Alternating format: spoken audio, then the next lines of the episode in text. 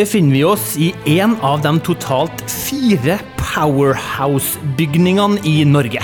Nærmere bestemt er vi på besøk i Powerhouse Brattørkaia i Trondheim. Det er Norges største nybygde plusshus, det, og vil gjennom bygget sitt, da, bygget sitt livsløp generere mer energi enn det som blir brukt. da. Helt fra produksjon til byggematerialer, oppføring, drift og avhending av bygget. Er ikke det ganske kult, Terje, å sitte i et sånt bygg?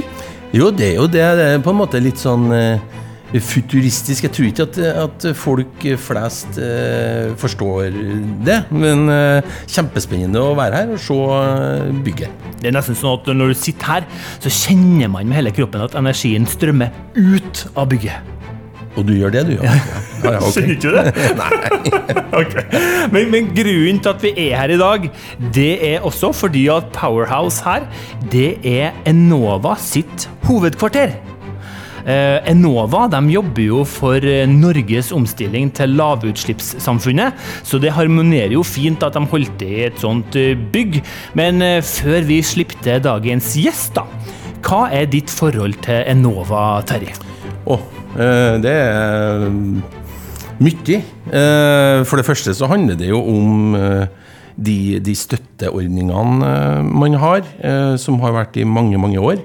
Jeg brukte å si det i sin tid, at hvis Enova lykkes med sitt oppdrag, så legger de seg sjøl ned. Det var liksom før i tida. Det var liksom, og det, og det, er jo faktisk Det var jo et poeng når støtta var på en måte på, den, på, det nivået. eller regna på den måten. Men i dag så er jo kanskje situasjonen litt annerledes, og det er jo kanskje da myndighetene sitt verktøy for å sørge for at folk flest, bedrifter og alle mulige andre får muligheten til å bidra til det grønne skiftet gjennom både tiltak hjem til seg i bedrifter, og ikke minst i forhold til utviklingsprosjekter og sånt som man på. Så det er nok ganske Det ville ha vært en lang podkast hvis vi ikke hadde sagt alt som Enova driver med, tror jeg. Ja, men altså at Enova har jo ikke lagt seg ned sjøl ennå, så det betyr jo at de de er, ikke helt i mål.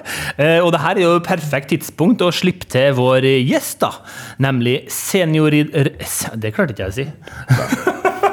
Det var så fancy tittel. Det er energien, energien som gjør det. Seniorrådgiver i Enova, Tor Brekke. Velkommen til verdens viktigste podkast. Ja, takk skal du ha. Ja, du, jeg, jeg, pleier jo altså Er du enig først med det Terje sier her? At, at det, det, det, det, optimale hadde jo vært at Enova hadde lagt seg sjøl ned. Da hadde de vært i mål. Ja, og da vi prøver hele tida å jobbe sånn at ikke det skal være bruk for oss lenger. Og, men så er det jo sånn at det kommer stadig nye oppdrag fra regjeringa. Det kommer stadig nye samfunnsendringer det er behov for, som Enova skal bidra til. Og så uh, er det sånn at regjeringa har inntrykk av at vi får til å skape endringer, så da får vi stadig nye oppdrag. Mm. Det syns vi er veldig gledelig. Vi skal inn på det, men jeg pleier jo først å kjøre en sånn kort intro av våre gjester, med utgangspunkt i det jeg finner på nett. Men du er jo eh, forsiktig med å dele for mye av deg sjøl på, på nettet har jeg på en måte registrert. Researchavdelinga vår eh, gikk rett og slett litt i stampe. Så, så derfor må jeg be deg om å starte med å presentere, presentere deg sjøl litt. Hvem er Tor Brekke, og kan du fortelle oss litt om din, din bakgrunn? Ja da, jeg, jeg, bruker jo mye tid på, på, skjerm på jobb, så jeg bruker ikke så mye tid på sosiale medier, f.eks. på fritida mi. Så det kan hende det er vanskelig å finne så mye der. Men jeg er jo, eh, som de kanskje hører, så er jeg ikke trønder, men jeg er sogning. så så jeg har bodd i Trøndelag i, siden, 20, eller siden 2000. og eh, så begynte jeg Jeg vokste opp i ei lita bygd på Vestlandet som heter Ortenvik. Og i ei lita bygd så må jo alle som bor der, fikse ting sjøl, sånn at jeg da ble jeg litt sånn teknisk interessert. Og, og, så fant jeg ut at jeg måtte finne meg et viktig yrke når jeg skulle begynne med det. Så da begynte jo jeg på elektrolinja på yrkesskolen, sjølsagt. Og så Seinere så eh, utdanna jeg meg mer og ble elektroinstallatør. Og overtok ei avdeling i, i, det som heter ABB, eller enda tidligere så heter det NEB-installasjon. Eh, og så jobba jeg med elektro i ganske mange år. Og så eh, litt seinere så ble jeg litt sånn interessert i eh, hvorfor folk oppfører seg så rart i forhold til all, all den flotte teknologien som er laga. Når vi lager sånn flotte styringssystem i, i bygninger, så oppførte folk seg sånn at den styringa virka ikke helt rett. Så fant jeg ut at den måtte jeg finne mer ut av, så da tok jeg enda mer utdanning og utdanna meg til sosialantropolog. For det handla jo om hvordan hvilke valg tar folk, og hvorfor velger de eh, sånn. da. Så da, da reiste jeg til Trondheim. Derfor, derfor ble jeg trønder. Og så, eh, så, skrev jeg en mastergrad om varmestyringssystem. Og så eh, prøvde jeg å finne ut hvordan forstår folk et varmestyringssystem, og hvordan bruker de det. Og hva må til for at folk forstår sånne tekniske løsninger godt. Fantastisk. Altså her, her eh, tror jeg ikke vi har helt, egentlig skjønt hvor drømmegjest vi har fått med oss i, i, i studio, Terje. Altså, fra riktig bakgrunn, selvfølgelig. Verdens viktigste bakgrunn med å være elektriker, installatør. Også fordi at du ikke forsto hvorfor folk ikke klarte å bruke teknologien, så, så begynte du å forske på mennesker. sosialantropolog. Altså, altså, det her er jo akkurat det vi har snakka mye om, Terje. Altså, det, teknologien er der, men hvordan i all verden skal vi få folk til å ta i bruk den?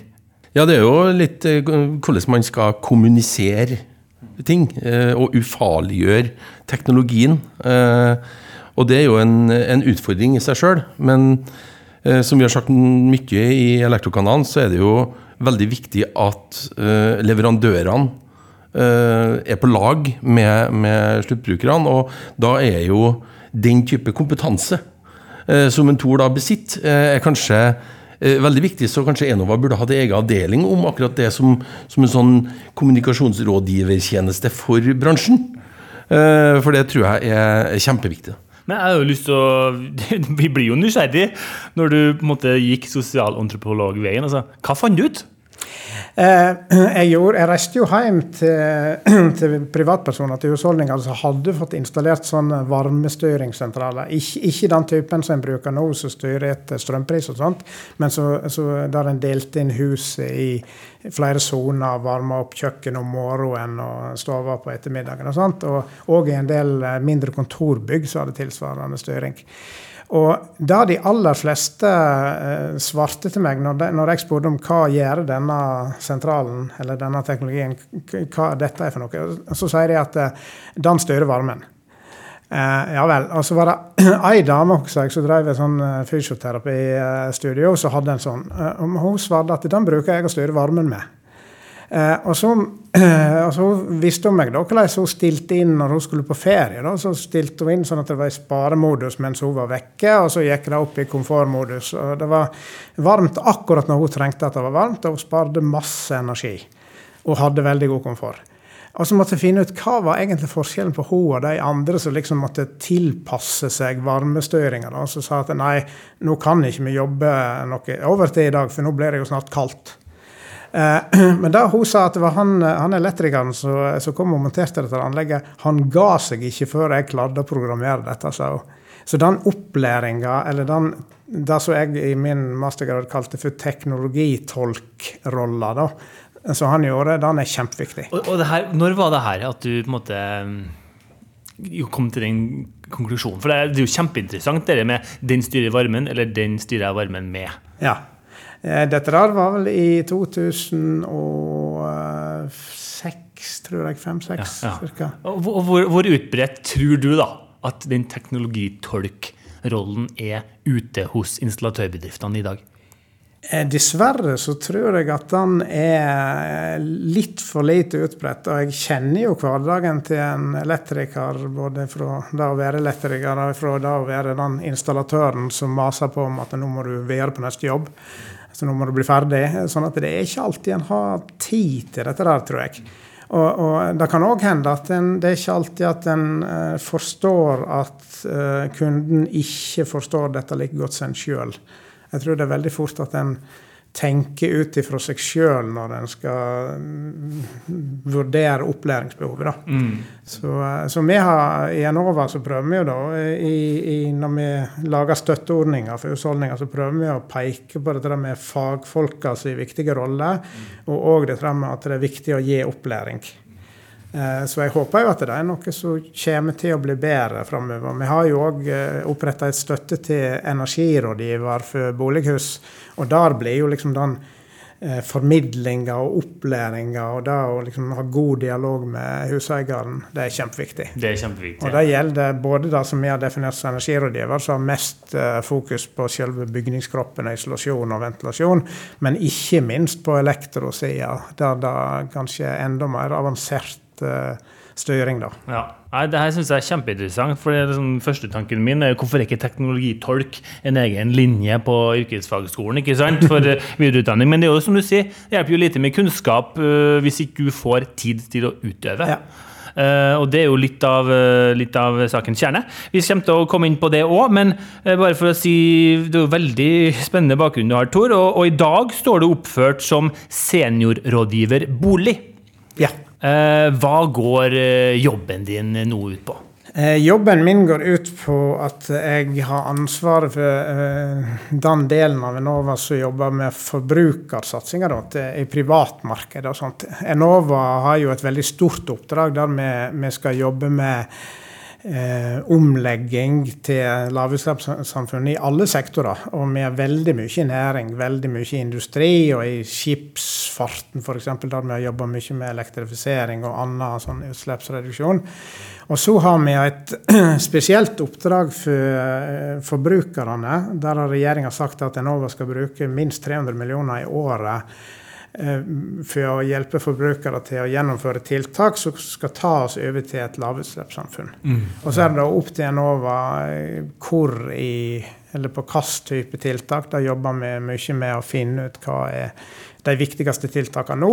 Og så jobber vi jo da med å løfte nye metoder og ny teknologi inn i forbrukermarkedet.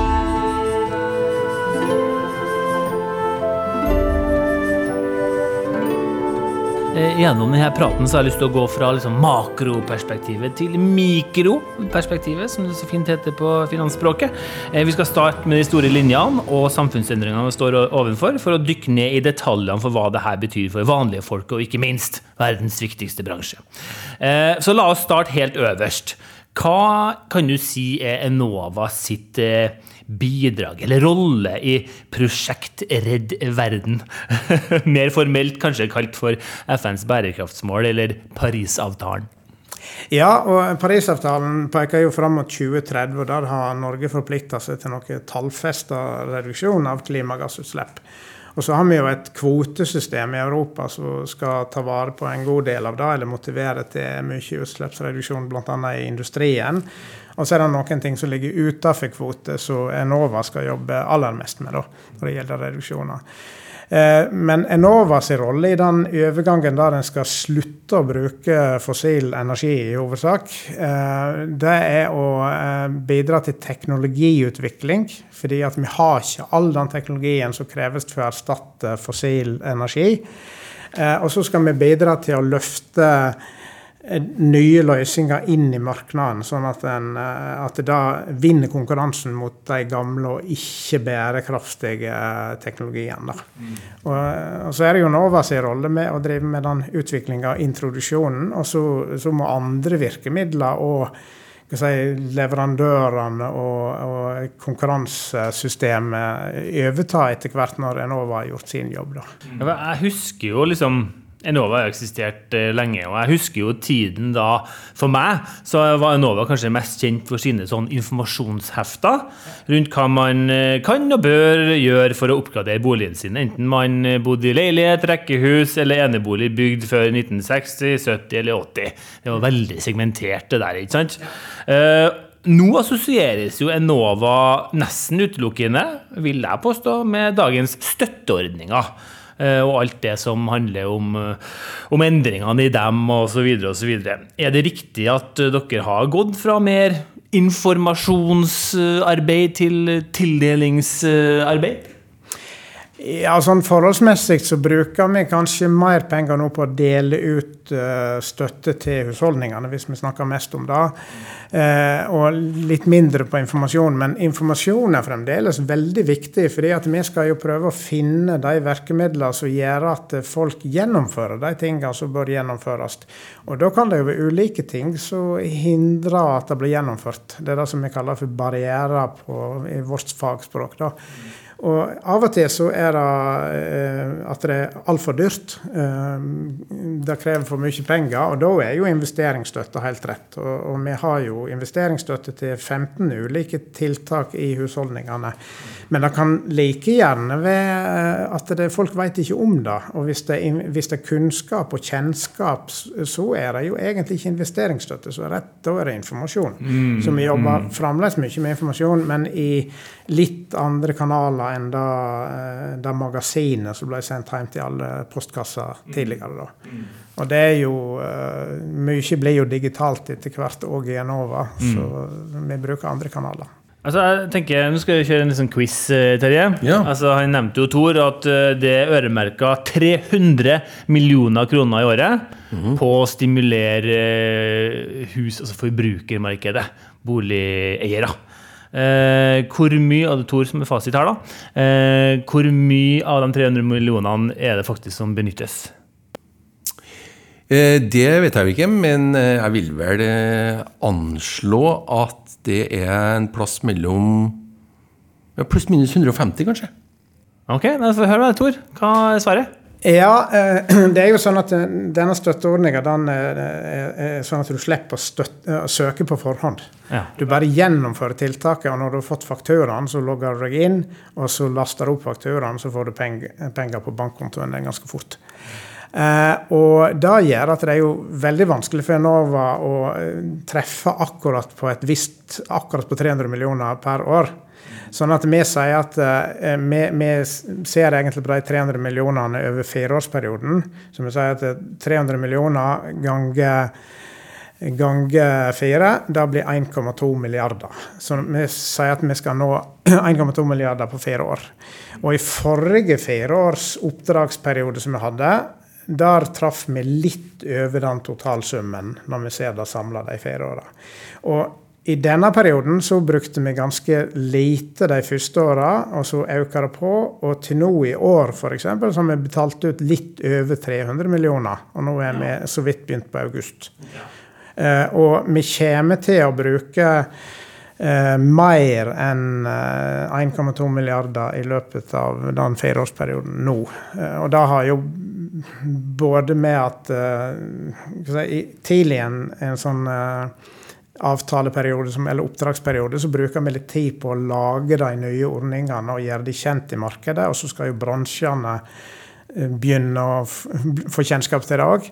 Og så øker det på etter hvert. Og så har vi en veldig spesiell situasjon nå med ekstremt høy interesse for energitiltak. Og vi ser jo f.eks. solcellemarkedet, og vi ser veldig god respons på tilskuddene til, til ulike styringsteknologier. Eh, og sånt. Så, så vi, ser, vi, kommer til å bruke mer penger inn i husholdningene i år enn det som regjeringa har sagt som sånn minstenivå. da. Mm, okay. Både i år og i, i hele fireårsperioden. Så der, så der tok jeg skikkelig feil. Ja, du tok... Men jeg, jeg tenkte liksom ikke helt på det her med For det er jo tross alt vært en eh, Ja, det kalles jo en suksess, det her med solstrøm og, og det her. Og det er jo eh, mange tusen sånne anlegg, som, og det er jo stor, ganske store summer. Mm. Så når jeg tenker meg om, så, så, så tror jeg på den. Ja. Eh, jeg tror at den er faktisk rett.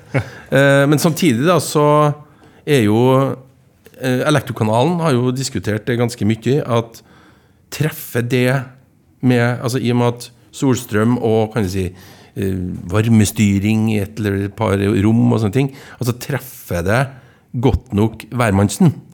For tross alt, så hvis du skal bygge solceller på, på, taket ditt, så er det en ganske stor investering. Kanskje 250 000-300 000 eller noe sånt. Mm.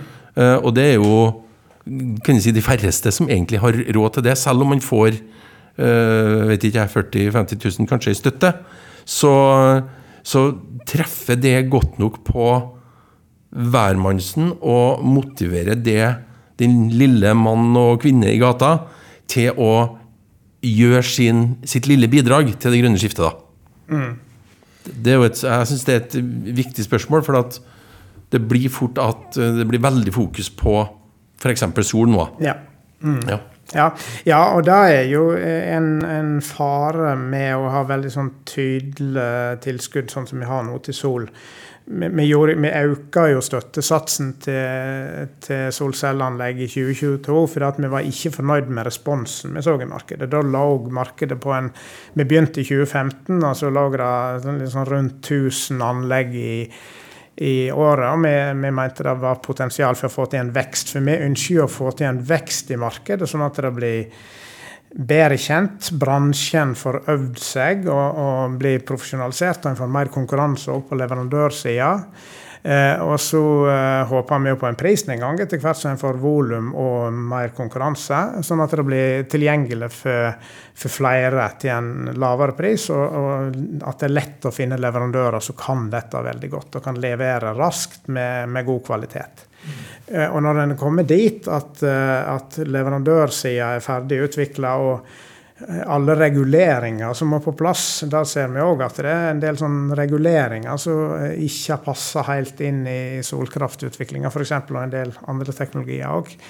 Men når vi ser at alt dette er på plass og læringa er ferdig, så er Enova sin jobb gjort. Så da har vi gjort jobben vår og kunne lagt ned Enova hvis det var bare akkurat det vi skulle gjøre. Men da eh, avslutter vi da støtte til den teknologien eller den tjenesten som det kanskje kan være. Og så begynner, så begynner vi å jobbe med nye. Og vi har, vi har, som sagt 15 ulike sånne teknologier og tjenester som vi gir støtte til nå. Og ingen av dem kommer til å eh, vare evig.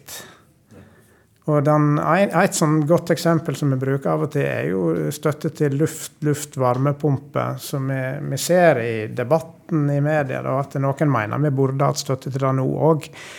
Eh, og da hadde Enova støtte til eh, i ett år eller ett og et halvt år tidlig på 2000-tallet, for da var det veldig lite brukt. Eh, det var en teknologi som var kjent i fagmiljøene, men ikke noe særlig ellers. Og det hadde stort potensial for å redusere eh, energibruken til varme i Norge, men folk visste ikke om det.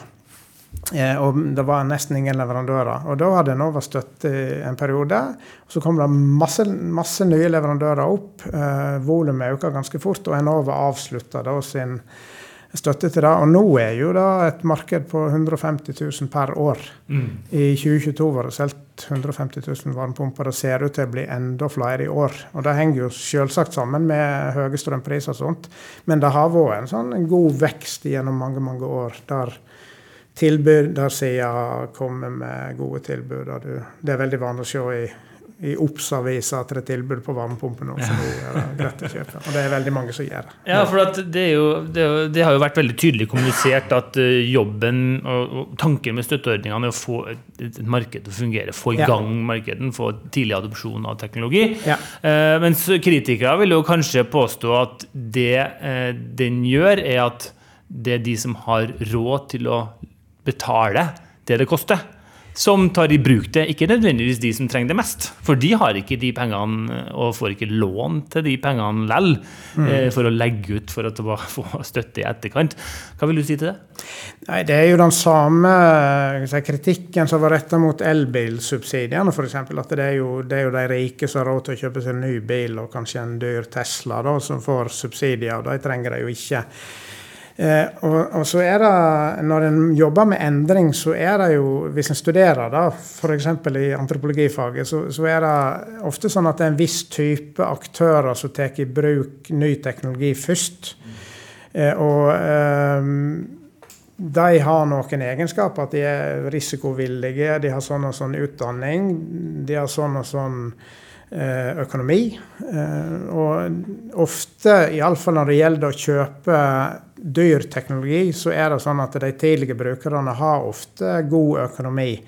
Og Det henger òg sammen med at ny teknologi er ofte litt dyrere. Fordi at de første utgavene av en teknologi er mye dyrere å produsere. Og en produsent eller en leverandør vil da gjerne ha dekka mest mulig av de utgiftene. Og etter hvert som en får opp volumet, så får en kostnadene per enhet ned, og en kan ta ned prisen litt. Og f.eks. elektrikerne som var som nå er ute og, setter opp solcellepanel. Eh, første gangen du gjør det, så bruker en ganske lang tid på å finne ut hvordan skal en eh, montere festeparkettene og koble på best mulig måte og få fram kabelføringene og sånne ting. Og når du har gjort det 50 ganger, så går det veldig mye fortere, og da kan det bli en del billigere òg.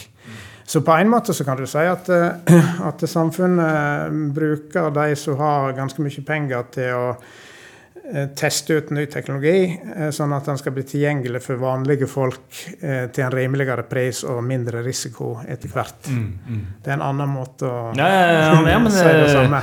Kjøper du den, Terje? Ja. ja.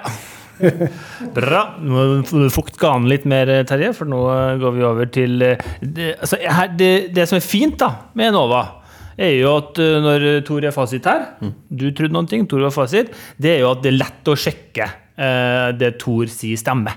Fordi Enova har en sånn nettside som sier Enovas forbrukersatsing i tall. Og det er sånn, Jeg vet ikke hvor ofte den oppdateres, men jeg føler det som en sånn live-update på hvor mye ja det er det, det er det. På hvor mye penger som utbetales til norske forbrukere gjennom de her støtteordningene. Og, og utbetalt så langt i år er 324 millioner, nesten 325 millioner kroner. Så har de også da en eh, Eh, en live-oppdatering i forhold til effekten av de tiltakene? Det var nettopp det jeg skulle gå i neste steg. Okay. Eh, og det var en veldig fin overgang. fordi at eh, vet vi, altså Én ting er jo det her med at det skal tidlig adopteres og markedet skal ta, ta i bruk teknologi. Dere støtter en del ting der. Har vi noe tall, eller sitter dere på noe tall som tilsier at det eh, energiforbruket, eller strømforbruket i norske boliger peker i riktig retning? Vi, vi følger med på det, er en av de indikatorene vi følger med på. Men det er òg sånn at når vi jobber med tidlig markedsintroduksjon, så jobber vi egentlig ikke med de veldig mange. Sånn at vi jobber ikke med de 150 000 varmepumpene som blir solgt nå, og som har en veldig sterk virkning på eh, strømforbruket i norske boliger. Vi jobber helt tidlig, og når det er så tidlig, så ser du i liten grad virkninger på strømforbruket. Så vi må lete etter andre indikatorer, så som vi ser bl.a. på hvor mange installatører, eller hvor mange leverandører er av de ulike tjenestene eller produktene. Mm. hvor god spredning er det i landet på dem, og så ser vi på prisutvikling og sånne ting.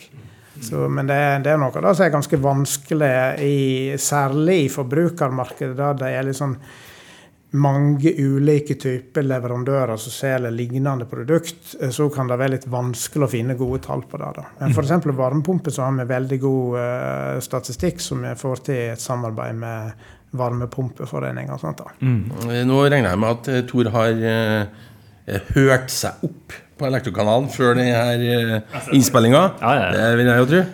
Og hvis han har gjort det, så har han jo fått med seg at altså, vi er jo veldig sånn rolige Eh, rolig og nedpå eh, oftest. Men eh, vi har en episode hvor vi, kanskje spesielt jeg, da, jeg har litt høy puls. Jeg er litt opprørt over en ting. Og det går jo egentlig på det at når man da gir tilskudd f.eks. For i forhold til solcellepaneler og sånne ting, så er det, i hvert fall ikke som vi har sett, noe krav at man først reduserer sitt forbruk, eller tar bort sløsinga. Eh, for det vil vi til livs, nemlig. Eh, denne sløsinga. Eh, og det er jo litt Ja, vi kaller det litt dumt, da. At man på en måte ikke stiller krav om det først. For man vet jo ofte hvor mange kvadratmeter denne boligen er, og hvor mye forbruk man har. For det er jo da man virkelig får mest mulig effekt av en investering og en tilskuddsordning. Når forbruket er så lavt som mulig, og så innfører man et tiltak. Mm. For alternativet kan jo være at man, som Brage var inne på, eh, at man faktisk er med å subsidiere eh, ja, oppkjørselen, varmekablene i oppkjørselen til han på Oslo vest. ikke sant? Og det, da blir det litt sånn Ja, det, det kan hende at det slår litt feil. Hva tenker du om det? Der. Bra. bra. Ja, ja. Nei, du, det du sier, sånn, det er helt i tråd med faglig tenking. Da, at Hvis du skal energieffektivisere en bolig for eksempel, eller et næringsbygg, for den del, så skal du begynne med å redusere varmebehovet, fordi at det er oppvarming som krever mest energi. Så Begynn med det, Og så jobber du videre med tekniske installasjoner og sånne ting. Og så helt til slutt egentlig, så kan du begynne å produsere solenergi for å dekke det, det reduserte energibehovet du har i bygningen. Sånn at eh, egentlig skulle vi gjort det.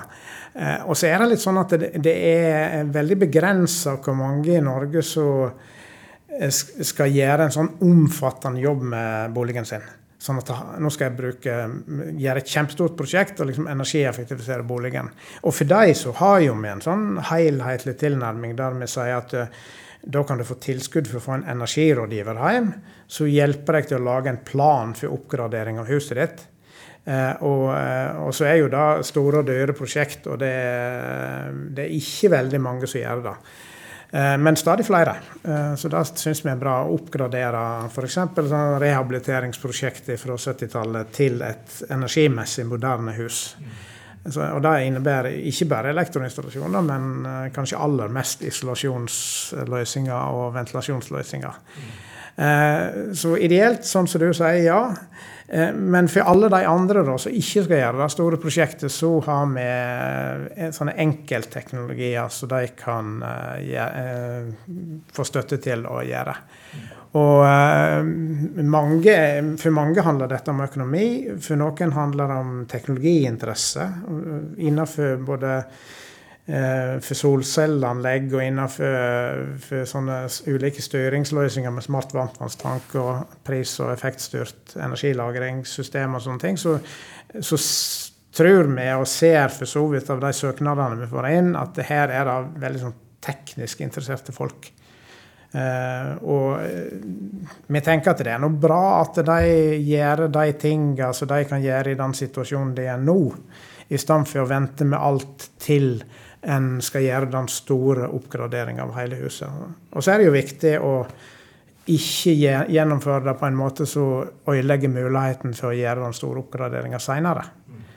Da kaller vi for lock-in. Eh, eh, og da å legge et solcelleanlegg på et dårlig isolert tak på en sånn måte at du ikke får isolert tak etterpå. Det syns vi ikke folk skal gjøre. Nei, Tydelig der. Veldig bra. Og veldig bra at eh, min medprogramleder har lært seg å stille spørsmål, direkte spørsmål. Eh, der har du forbedra deg godt, eh, Terje. Ja, jeg har jo gått skole.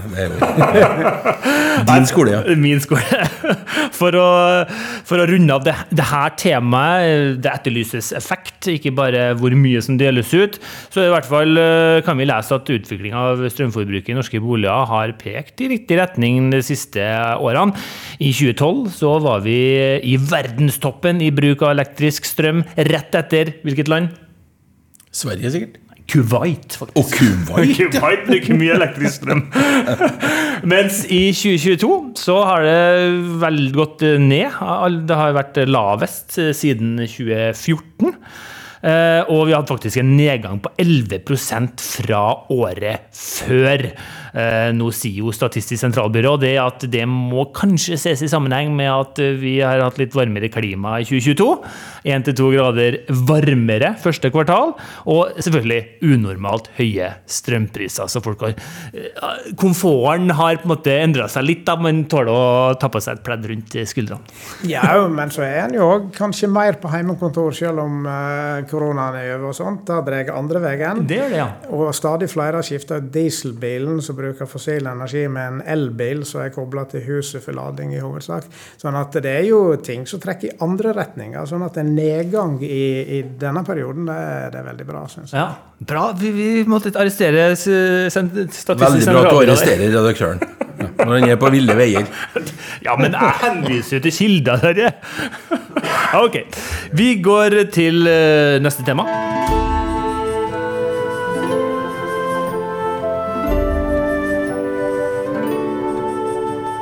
Apropos eh, det at ikke alle kan ta omfattende grep i boligen sin. Eh, eller at den store oppgraderinga av hele huset må vente. Nå kommer det, etter ryktene tilsier, eh, strengere krav til energimerking av norske boliger. Eh, men hva går det ut på, og når kommer det? Det er liksom helt opp i skyen der, for min del i hvert fall.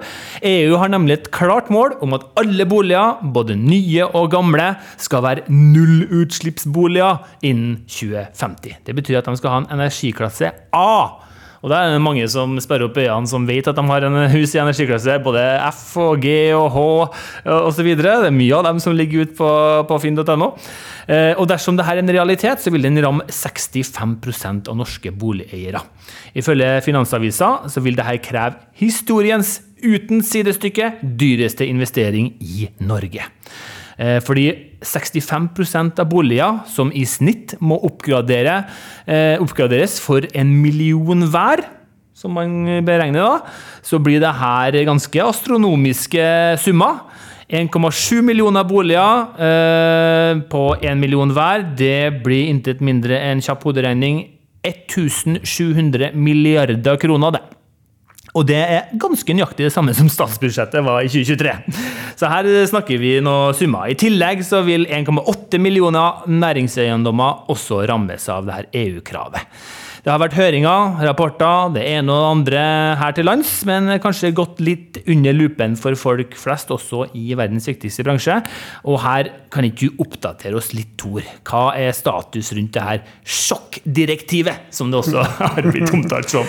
Ja, jeg, jeg er ikke veldig tett på uh, vedtakene i EU.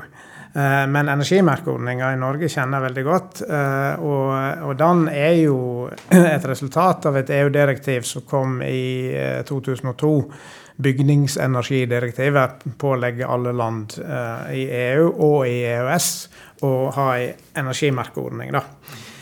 Og det ble òg tatt inn i Norge i 2009-2010 ca., dvs. Si en åtte-ni år etterpå. Så, så, så, Norge er jo ikke EØS-medlem, så, så, vi har en vi, vi, ligger nok litt bak EU i å ta inn sånne direktiv. Akkurat nå jobber Norge med å ta inn revisjonen av direktivet som kom i 2010.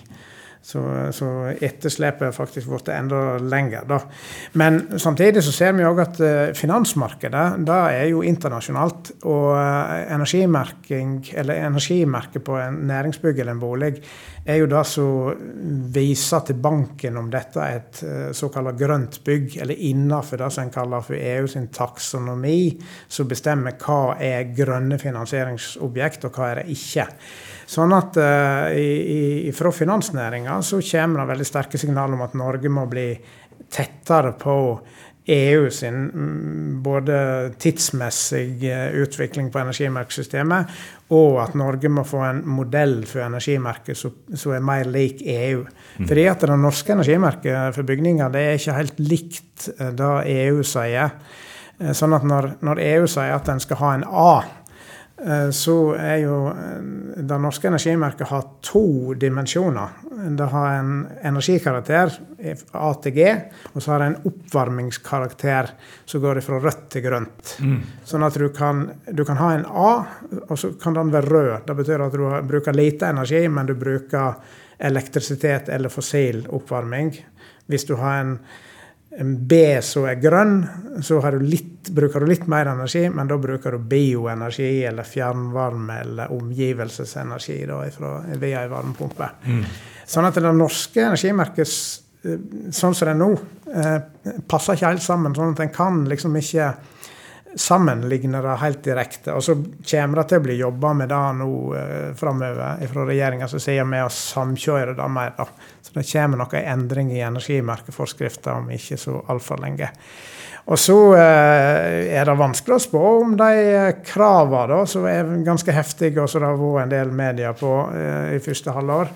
Eh, om og i så fall i hva grad de slår inn i Norge. Men jeg tror ikke det blir sånn at alle som eier en bolig med et uh, litt dårlig energimerke, må gå ut og oppgradere den til A, da, uh, uten at det f.eks. skal være et eierskifte og sånn. Mm. Men noe, noe, noe, som blir tydeligere og tydeligere, det er jo at energitilstanden i boliger og næringsbygg betyr mer og mer for verdsettinga. Mm. Og, og, det er jo i, i det, det strømprisregimet vi har hatt, energiprisregimet vi har hatt nå, så betyr det jo òg mye mer for de månedlige utgiftene. Hvis du kjøper en gammel bolig som bruker mye energi, så har du mindre att etter å ha betalt strømregninga til å betale lånet. Det betyr at du kan betale mindre for en bolig med dårlig energimerke.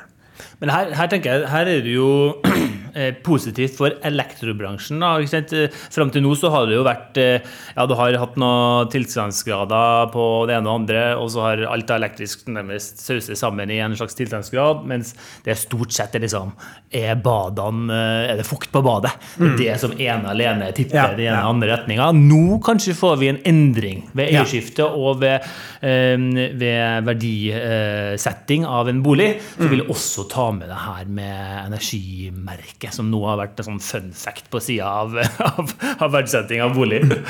Absolutt. Og eh, jeg tenker det er positivt for elektrobransjen i dag, hvis elektrobransjen klarer å liksom se forbi eh, panelovnene. Eh, fordi at Hvis elektrobransjen tviholder på at vi skal sette opp panelovner, for det er det vi selger eh, eh, Elektrisitet er en altfor verdifull energiform til å bruke til å brenne opp i panelovner. Eh, Hør, hør. ja, at, men, men hvis en jobber med si, solcelleanlegg, med, med strømstyring og sånne ting, effektiv utnyttelse av energi, eh, så er det en kjempefordel for elektrobransjen. Så jeg, eh, og jeg hører jo de signalene fra elektrobransjen nå. Det er ikke så mye argument for at vi må få lov til å fortsette å sette opp panelovner. Nei. Eh, nå, eh, skal du bruke elektrisitet, så skal du i alle fall eh, kjøres gjennom en varmepumpe, så du får tre-fire ganger så mye varme ut av den verdifulle elektrisiteten. Nå, nå dempa du litt det her. Jeg prøvde å skape et skremselsbilde nå at hver eneste, altså 65% av norske boligeiere må, må begynne å spare til en million hver. Det er kanskje ikke så svart-hvitt at det blir, men det er jo likevel et stykke mellom 300 millioner, som er på en måte målet å dele ut per år her, og 1700 milliarder kroner, som, eh, som eh, man, hvis man skal se med mine briller, må oppgradere boligene for. Eh, Jeg vil tro at Enova vil få en også en rolle i å få denne oppgraderinga til et par knepp på energiklassifiseringa. Hva, hva det Hva tror du kommer av, av støtteordninga? Du sier jo at en del av støtteordningene her er Eller alle er midlertidige. De vi har i dag, de vil forsvinne. Men kan du lette litt på sløret? Hva jobbes det med av støtteordninger som ikke vi har sett før, som vil svare opp det her? Ja, eh, Nye støtteordninger som Enova jobber med, eh, da snakker vi aldri om på forhånd. Eh, og, det for, og det er fordi at hvis vi f.eks. Altså, nå kommer vi med støtte til varmepumpeberedere, som er varsla nå i i juni.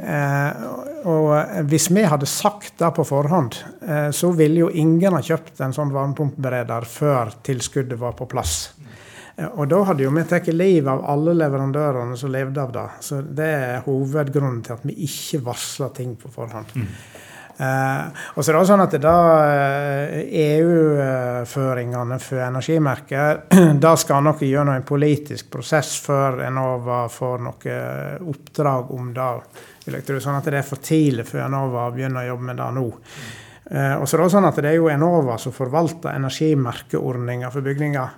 Eh, Det er Olje- og energidepartementet som bestemmer hvordan det skal være, men det er Enova som drifter datasystem og passer på at bankene får informasjon om energikvaliteten på de ulike bygningene og sånt. da. Så, så en eller annen rolle kommer til å få dette, helt sikkert. Det, det her konkrete, de støtteordningene som finnes i dag, dem kan jo folk eh, lese opp til, selvfølgelig. Men, men vi som elektrobransje er jo veldig opptatt av det som har med elektro å gjøre. Og det er jo, eh, det er jo stor grad eh, solcelleanlegg, solfanger, smart varmtvannsbereder. Kanskje. Det, skal, altså det er mer rørlegger, kanskje, men, men det må jo få strøm, det òg. Pris- og effektstyrt energilagringssystem, som har fått et nytt navn. Ja. Det var jo smart strømstyring, og så har man endra navn. Og så er det andre endringer som ligger på, på den. Kan du fortelle litt om, om, om de endringene som kommer på akkurat den biten? Det kan jeg gjøre, men først har jeg lyst til å kommentere det du sier om, om smart varmtvannstank. For der er vi, har vi et veldig tydelig krav at hvis du skal få støtte til en smart varmtvannstank, så skal den være fast tilkobla av en elektriker. Vi, støtter ikke tanker som er tilkobla gjennom uh, stikkontakt og støpsel. Og du har jo egentlig lov i et gammelt hus, f.eks. fra 1978, å skifte ut en gammel tank som er tilkobla en stikkontakt, med en ny og koble den til i samme stikkontakten. Eh, det er jo en, eh, Mange elektrikere har vært ute og sett stikkontakter som har vært veldig brunsvidde og støpsel som har smelta, sånn at vi vet at det er ganske brannfarlig.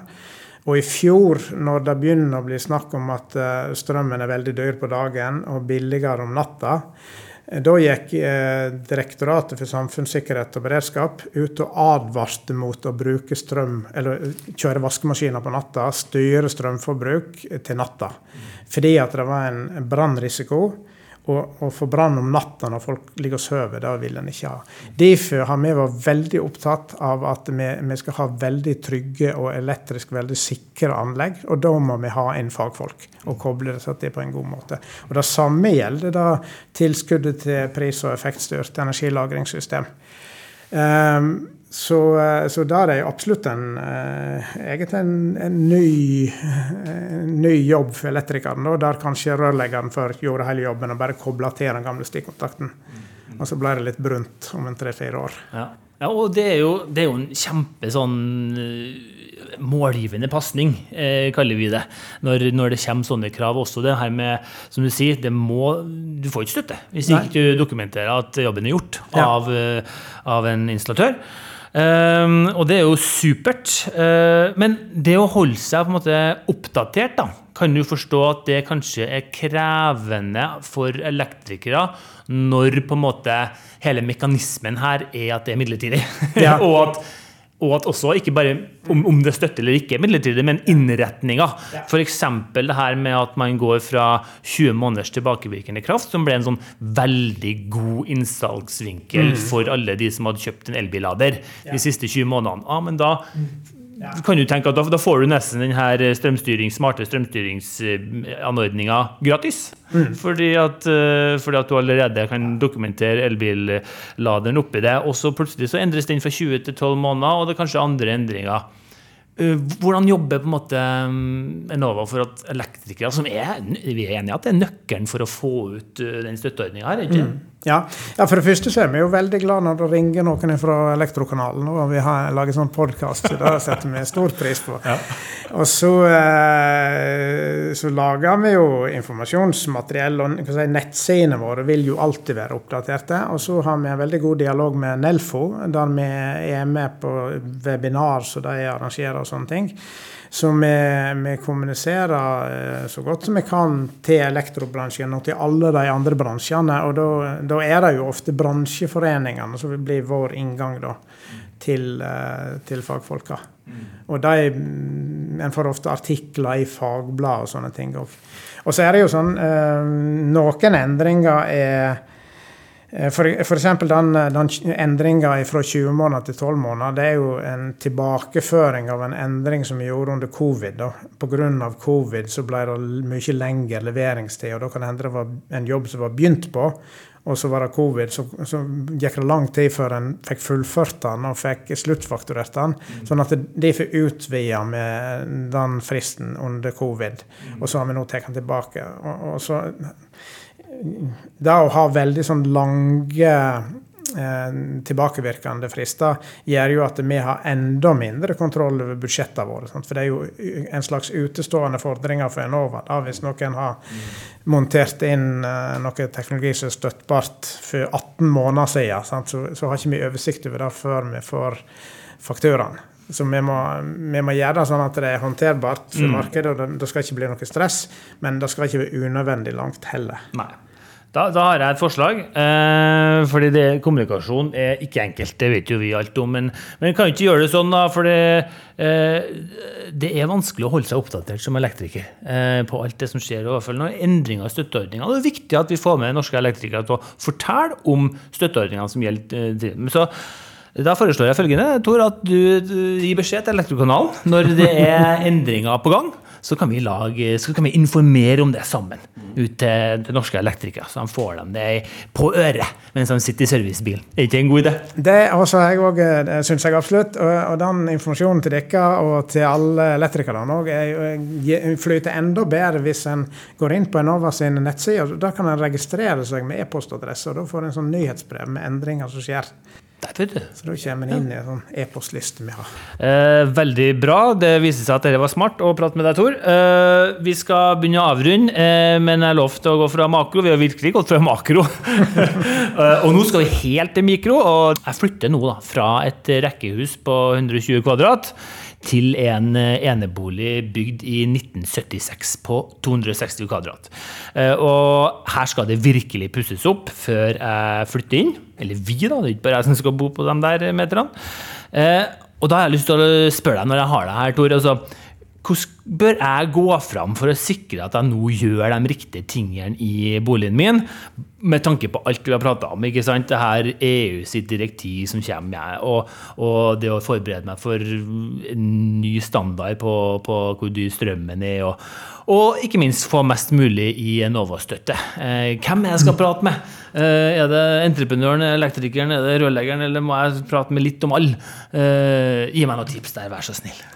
Ja, eh, og dette der er jo et, veldig sånn godt utgangspunkt for et omfattende prosjekt som vi var litt inne på tidligere. Da.